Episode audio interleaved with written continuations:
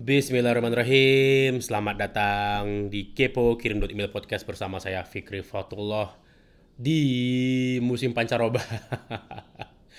Ya mungkin Anda bisa dengar suara saya agak bindeng ya. Saya mohon maaf sebelumnya karena di Bandung tempat tinggal saya Ini di desa saya tercinta ini desa Cipendei Lagi pancaroba. Ya Jadi semua pada demam, anak-anak pada demam Yang mudah-mudahan kalau Anda dengar ini lagi dalam kondisi kurang fit saya doakan semoga menjadi penggugur dosa. Amin.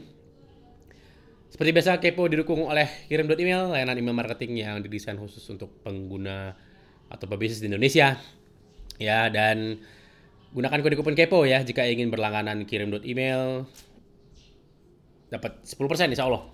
Ya, jadi saat daftar itu gunakan kode kupon Kepo, K-E-P-O ya. Nanti akan dapat diskon 10% untuk berlangganan paket kirim email yang mana aja ya tergantung jumlah jumlah database email Anda berapa, jumlah kontak pelanggan Anda ada berapa, oke? Okay? Nah, di episode kali ini saya juga sekalian eksperimen ya, mungkin Anda perhatikan di beberapa episode sebelumnya itu saya ada melakukan wawancara ya dari mulai Rian Seribu, terus Bramantia Farid, guru saya sendiri Mas Wintor, dan lain-lain. Ya ada Mas Radit Tampu Bolon, ya kita bahas influencer ya. Kalau belum denger semua, stop rekaman ini ya, stop episode kali ini. Silahkan ke kepo.blog untuk dengerin semua episodenya, semua episode ada di sana.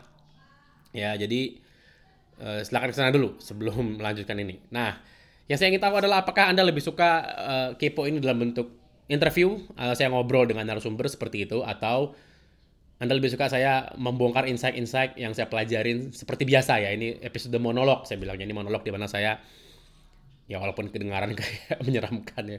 Tapi ini episode di mana saya ngobrol sendiri lah, ngomong sendiri gitu loh ya. Sama Anda langsung ber berdua lah kita gitu ya. nah, Anda lebih suka mana? Anda lebih suka interview atau saya ngobrol sendiri?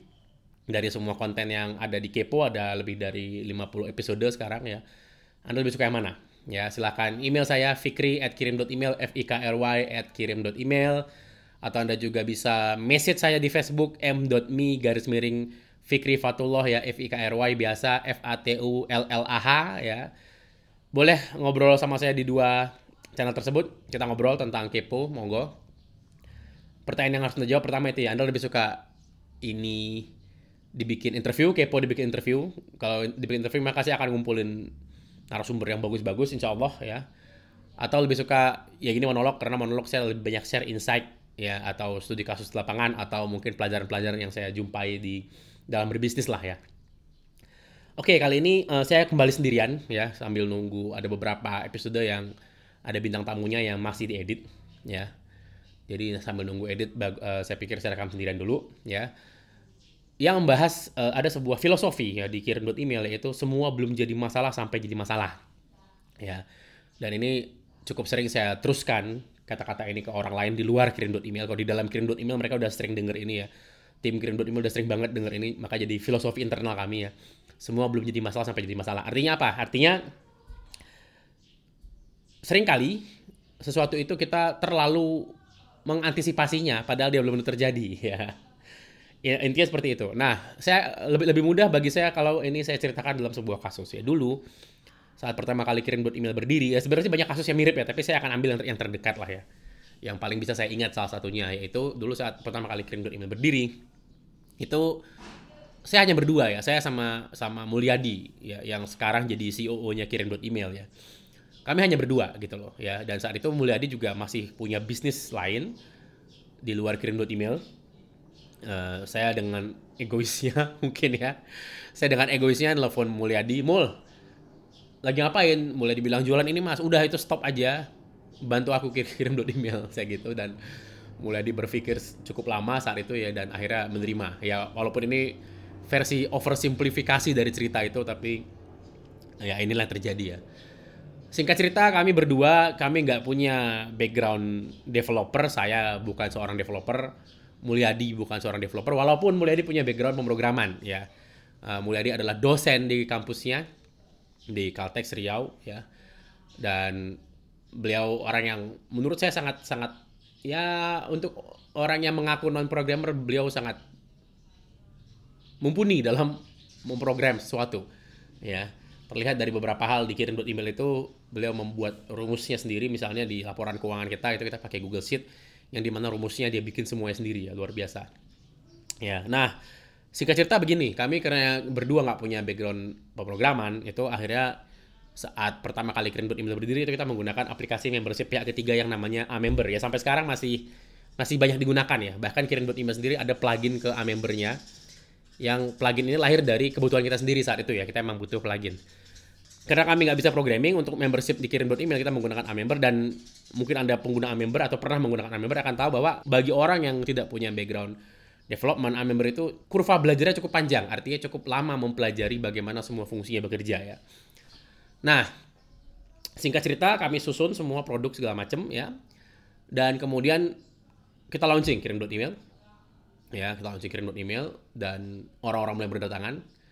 Nah baru saat saat ada customer saat itu sudah sekitar 20-30 customer saya lupa ya. Ini uh, bulan pertama lah ya launching ya.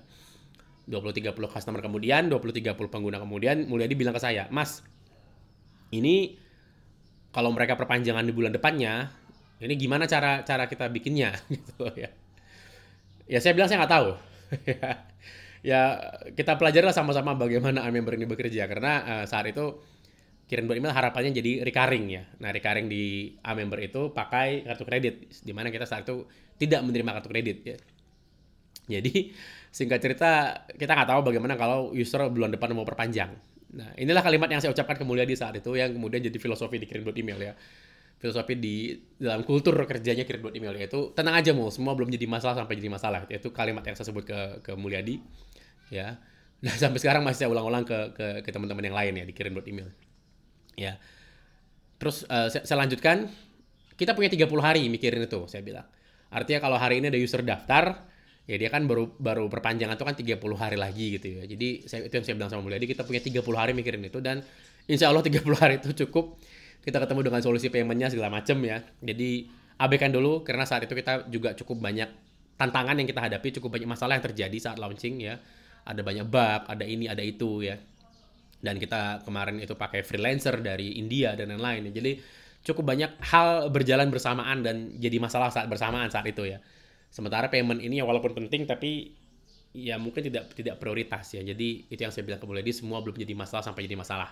Kita jangan terlalu memikirkan sesuatu yang belum tentu terjadi ya. Kita jangan memikirkan sesuatu yang akan terjadi tapi belum terjadi gitu ya Mungkin uh, uh, saat saya bilang ini di luar beberapa kali ada yang ngerespon begini loh, Mas, kita kan harus bersiap, Mas. Ya, Nobza Mizali kalau ada sesuatu kita harus bersiap. Iya, kalau kondisinya ideal, saya setuju. Ya, kita sudah ideal, omset kita sudah terprediksi naik misalnya, kita sudah punya cadangan cash yang cukup banyak dan lain-lain, maka kita bisa mengantisipasi banyak hal. Ya, kita bisa memilih banyak hal. Kita bisa memilih respon. Buat saya, cash, uang cash, ketersediaan uang cash itu menyediakan pilihan-pilihan respon yang beragam. Saya ulangi, ketersediaan uang cash dalam bisnis itu menyediakan pilihan respon yang beragam bagi bisnis kita.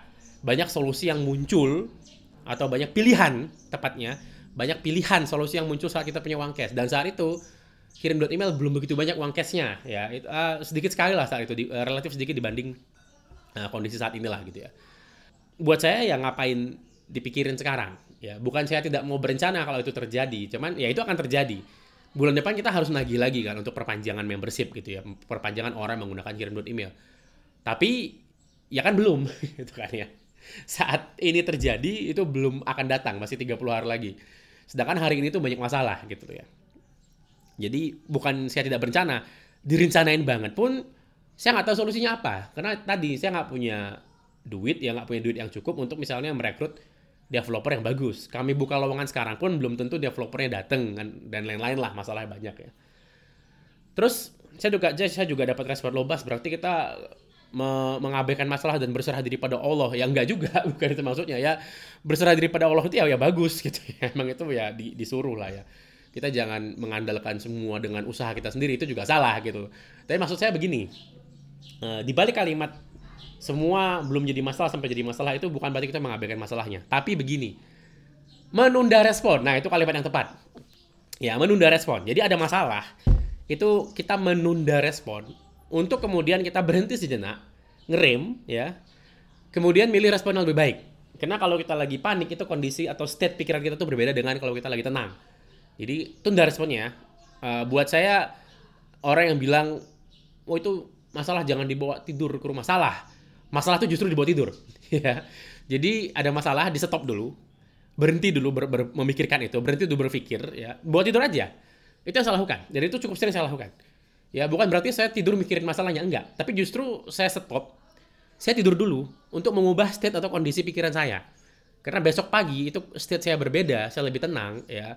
Karena sudah melalui sebuah fase di mana saya kehilangan kesadaran total gitu kan ya. Malah kalau kalau di dalam agama Islam itu kita di bangun tidur itu disuruh berdoa karena bersyukur masih dihidupkan, dibangunkan lagi gitu loh ya. Artinya kita mungkin dalam kondisi yang ya boleh dibilang setengah mati lah gitu ya, setengah di dunia setengah di akhirat mungkin gitu kan ya. Jadi nah, dalam kondisi seperti itu, pikiran kita tuh berubah, state pikiran kita berubah. Cara kita memandang masalah berubah. Jadi dengan menunda respon ya, terutama di masalah yang belum akan datang, itu akan memberikan kita pilihan-pilihan yang baru. Oke, jadi itu yang saya lakukan. Saya stop, saya nggak mau bahas itu dulu karena masih 30 hari lagi. Saya stop, saya bawa tidur, ya. Besok pagi bangun belum ada solusi, saya bawa tidur lagi, ya besok pagi bangun lagi, belum ada solusi lagi, saya buat tidur lagi. Hingga beberapa hari kemudian tiba-tiba kita kepikiran sebuah solusi, dan saat itu ada yang bisa bantuin, ya, dan akhirnya masalah ini selesai. Ya, jadi semua belum jadi masalah sampai jadi masalah. Ya, artinya ini menunda respon, bukan mengabaikan masalahnya terus langsung berserah diri pada Allah ya. Saya, saya, saya pribadi berserah diri. Kalau saya lihat lagi cerita ini ke belakang, itu ya faktor kodarullahnya, faktor ketentuan Allahnya sangat tinggi ya. Lagi saya nggak percaya kebetulan. Nggak saya akan mengatakan oh ya kebetulan ada teman yang datang bantuin. Enggak itu bukan kebetulan. Itu mungkin hasil dari dari doa dan semua yang yang yang yang tiba-tiba Allah memutuskan untuk membantu saya dan mulai dikirim buat email yang melalui orang tersebut gitu ya. Jadi itu bukan bukan kebetulan. Mungkin ya, ya lagi saya percaya rezeki Allah itu datang tepat waktu ya saya percaya rezekinya itu uh, rezeki Allah itu datang bukan saat kita mau tapi saat kita benar-benar butuh dan saat lagi Allah lagi mau ngasih gitu loh ya. Jadi ini yang pelajaran yang bisa saya ambil. Jadi semua belum jadi masalah sampai jadi masalah itu bukan artinya kita tadi ya tidak merencanakan kita gegabah dari maju terus ah belum jadi masalah kok maju terus? Bukan gitu ya. Saat itu dengan resource yang saya punya dan mungkin anda juga ya mungkin anda juga mengalaminya dengan resource yang kita punya sekarang mungkin apa pun yang kita pilih itu solusinya belum belum kelihatan gitu loh apa pun yang mau kita lakukan kita belum punya resource-nya ya kita belum punya tenaga SDM-nya, kita belum punya duitnya mungkin, kita belum punya bahan bakunya mungkin, kita belum punya channel pemasarannya mungkin, dan lain-lain. Intinya kita belum punya potensi yang bisa menjadi solusi dari masalah itu. Ya jadi ya belum jadi masalah gitu loh, jangan dibahas dulu. Ya. Yang kedua ya bisa jadi ya itu kita kasih waktu lah ya, kasih ruang bagi diri kita sendiri untuk untuk mundur dan melihat masalah ini dari sudut pandang berbeda. Bawa tidur aja.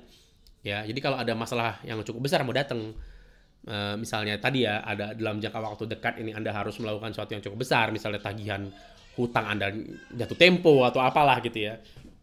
Ya lagi lihat ke dalam diri sendiri, Anda bisa melakukan apa. Ya. Kalau belum ya fokus ke hal yang bisa menjadi solusi, jangan fokus ke masalah itu. Toh dia belum jadi masalah ya, jatuh temponya belum datang. Misalnya jatuh temponya 30 hari lagi. Anda punya 30 hari untuk mikirin itu gitu loh. Kita punya 30 hari untuk mikirin bagaimana mencari solusi itu. Jadi terlalu distreskan sekarang juga percuma ya itu uh, dengan menunda respon itu kita bisa shift atau mengubah yang tadi kita fokus ke masalah mungkin setelah kita bawa tidur kita diskusi sana sini kita mungkin ngaji ngobrol sama ustadz guru ngaji kita ya ya ustadz ini bagaimana lah saya punya hutang begini misalnya ya gitu mungkin ustadz kita bisa ngasih solusi ya guru kita mungkin bisa ngasih solusi atau mungkin mentor bisnis gitu ya bisa ngasih solusi saya nggak kita nggak tahu artinya tunda respon tenang dulu, bawa tidur, ya, perang di lain hari, ya. Itu aja mungkin dari saya untuk episode kali ini. Silahkan ke kirim email itu alamat website, buka di browser Anda, tulis kirim email, gunakan kode kupon kepo untuk mendapatkan diskon 10%. Terima kasih, sampai ketemu di episode selanjutnya. Jangan lupa ya uh, ngobrol sama saya ke Fikri F I K R Y at kirim email itu email saya atau ke messenger di Facebook m.me garis miring Fikri Fatullah F I K R Y F A T U L L A H ngobrol bareng di situ apakah Anda lebih suka kepo dalam bentuk saya menolok seperti tadi atau mungkin saya undang tamu seperti beberapa episode sebelum ini ya. Terima kasih. Assalamualaikum warahmatullahi wabarakatuh.